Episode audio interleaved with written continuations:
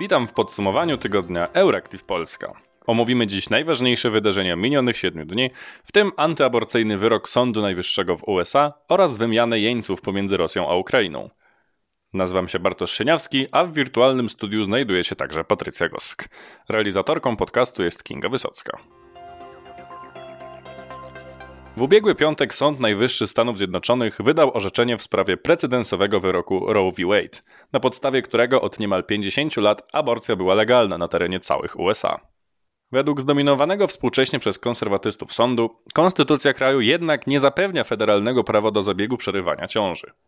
Odwołanie wyroku w sprawie Roe v. Wade sprawiło, że w ciągu minionego tygodnia już w 10 stanach zakazano aborcji, a eksperci spodziewają się, że w 10 kolejnych zakazy zostaną wprowadzone w niedługim czasie. W tym samym czasie Stany z liberalnym podejściem do tego zabiegu starają się chronić swoje prawo do legalnej aborcji, wprowadzając przepisy ułatwiające dokonanie zabiegu przez osoby pochodzące z innych regionów USA. Antyaborcyjne Stany z kolei będą próbowały karać także te kobiety, które w celu zapobiegnięcia ciąży wyjechały poza ich granice. Oznacza to więc początek procesu silnej wzajemnej ingerencji Stanów w swoje własne legislacje. Według ekspertów tak mocne walki o jurysdykcję pomiędzy Stanami nie miały miejsca od czasów wojny secesyjnej. Amerykanki są zdruzgotane wyrokiem Sądu Najwyższego, obawiając się o własne życie i zdrowie.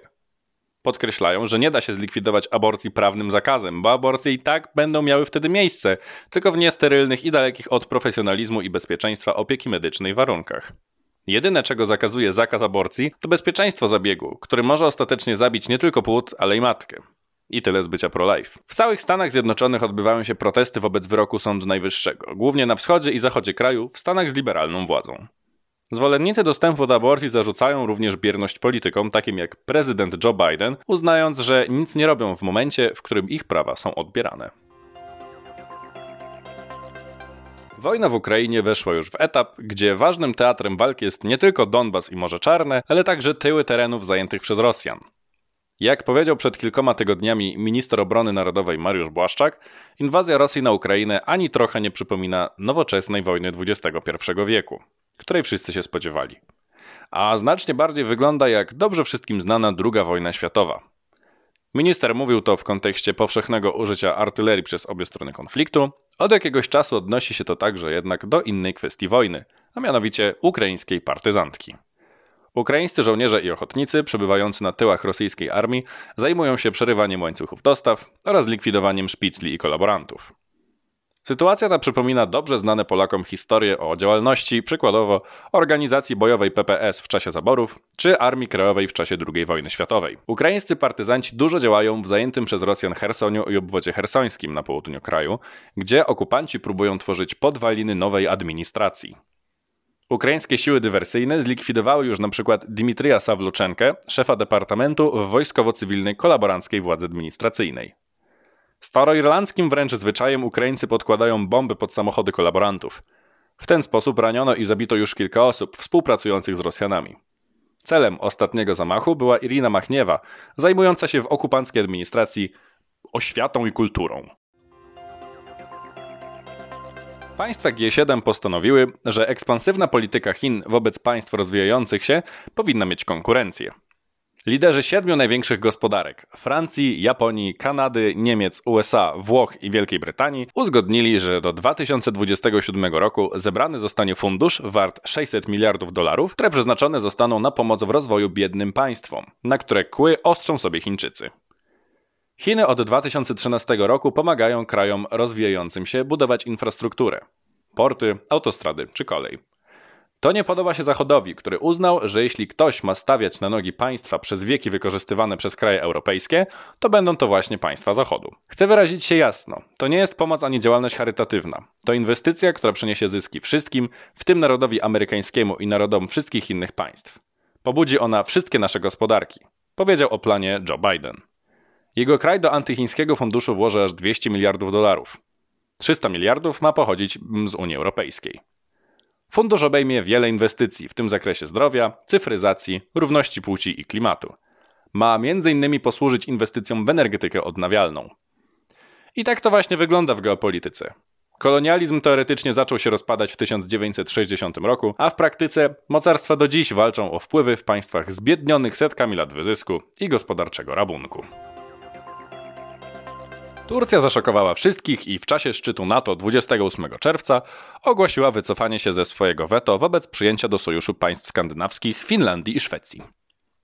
Turcy od początku procesu akcesji państw do układu militarnego dawali do zrozumienia, że są przeciwni jego wzmocnieniu od północy. Jednym z głównych powodów są bliskie kontakty Skandynawów z Kurdami, których Turcja uznaje za terrorystów i prowadzi z nimi wojnę w Syrii. Decyzję Turcji ogłosił sekretarz generalny NATO Jens Stoltenberg.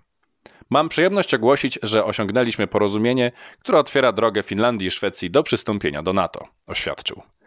Dotychczasowe rozmowy między Ankarą, Helsinkami, Sztokholmem i Brukselą nie przynosiły rezultatów, stąd dość duże zdziwienie decyzją Turcji. W osiągnięciu kompromisu pomóc miał prezydent USA Joe Biden, który odbył rozmowę z prezydentem Turcji Recepem Erdoanem. Według amerykańskiej administracji umiejętności perswazji Bidena przekonały Erdoana za kulisami do zmiany swojego stanowiska. Przedstawiciele krajów członkowskich Unii Europejskiej zgodzili się, aby od 2035 roku możliwa była rejestracja tylko samochodów zeroemisyjnych. Unia Europejska stawia w transporcie na pojazdy elektryczne. W nocy z wtorku na środę po kilkunastu godzinach doszło w Luksemburgu do porozumienia ministrów środowiska państw Unii Europejskiej co do zakazu rejestracji samochodów z silnikiem benzynowym i diesli od 2035 roku. Decyzja unijnych ministrów środowiska przybliża wspólnotę do dekarbonizacji przed 2050 rokiem, oceniają eksperci organizacji klimatycznych. Sieć organizacji Transport and Environment twierdzi, że decyzja ta to moment historyczny, który przełamuje kontrolę przemysłu naftowego nad transportem. Osiągnięcie porozumienia nie było jednak przesądzone. Włochy, Portugalia, Słowacja, Bułgaria i Rumunia domagały się przesunięcia terminu osiągnięcia celu z 2035 roku na 2040.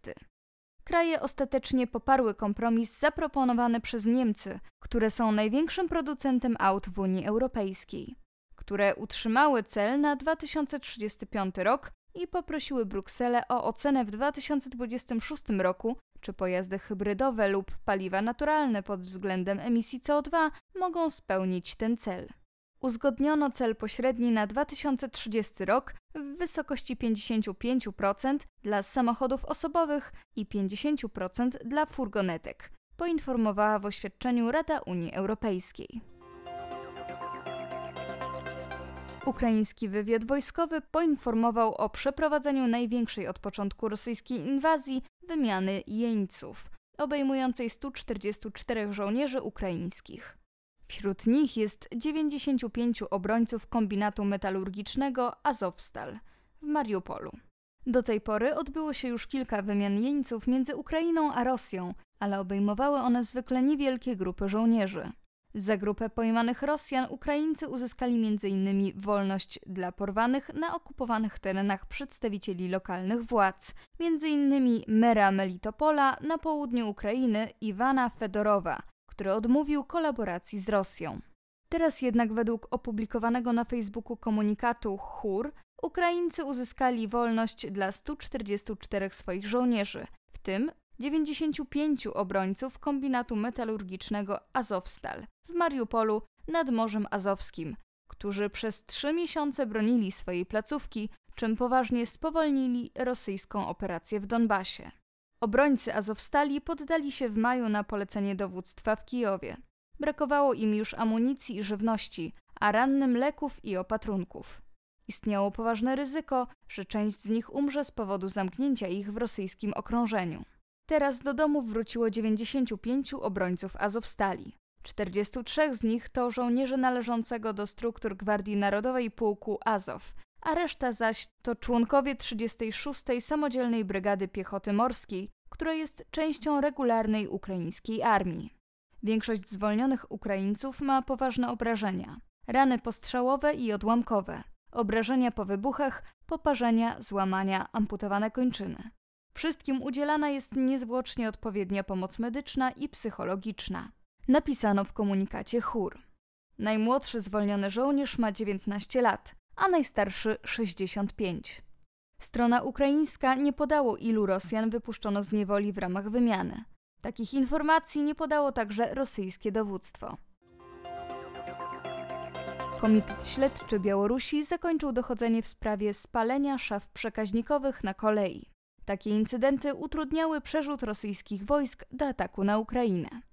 Kiedy 24 lutego rozpoczęła się rosyjska inwazja na Ukrainę, jedno z uderzeń rosyjska armia przeprowadziła z terenu Białorusi, gdzie Rosjanie pozostawili swoje wojska po wcześniejszych manewrach. Miało ono posłużyć zajęciu Kijowa, ale okazało się rosyjską porażką, między innymi z powodu kłopotów z zaopatrzeniem. Władze Białorusi dość szybko na to zareagowały i zaostrzyły kodeks karny, który teraz pozwala za takie działania karać nawet śmiercią.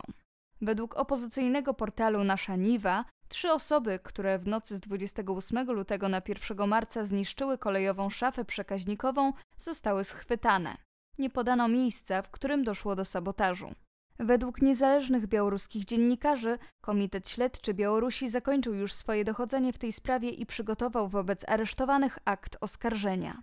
Uznano, iż ich czyny służyły spowolnieniu dostaw rosyjskiego sprzętu podczas prowadzenia specjalnej operacji na Ukrainie.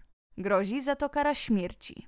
Zarzuty postawione oskarżonym są cztery: uczestnictwo w grupie ekstremistycznej, akt terroryzmu dokonany w grupie osób, który pociągnął za sobą następstwa, umyślne uszkodzenie szlaku komunikacyjnego prowadzące do poważnych następstw oraz zdradę stanu. Z kolei niezależny rosyjski portal Meduza napisał, że w sumie doszło na Białorusi do 80 przypadków kolejowej partyzantki, a pierwsze przypadki miały miejsce jeszcze przed wybuchem wojny, gdy na Białorusi trwały oficjalnie białorusko-rosyjskie manewry i zwożony był z Rosji sprzęt wojskowy.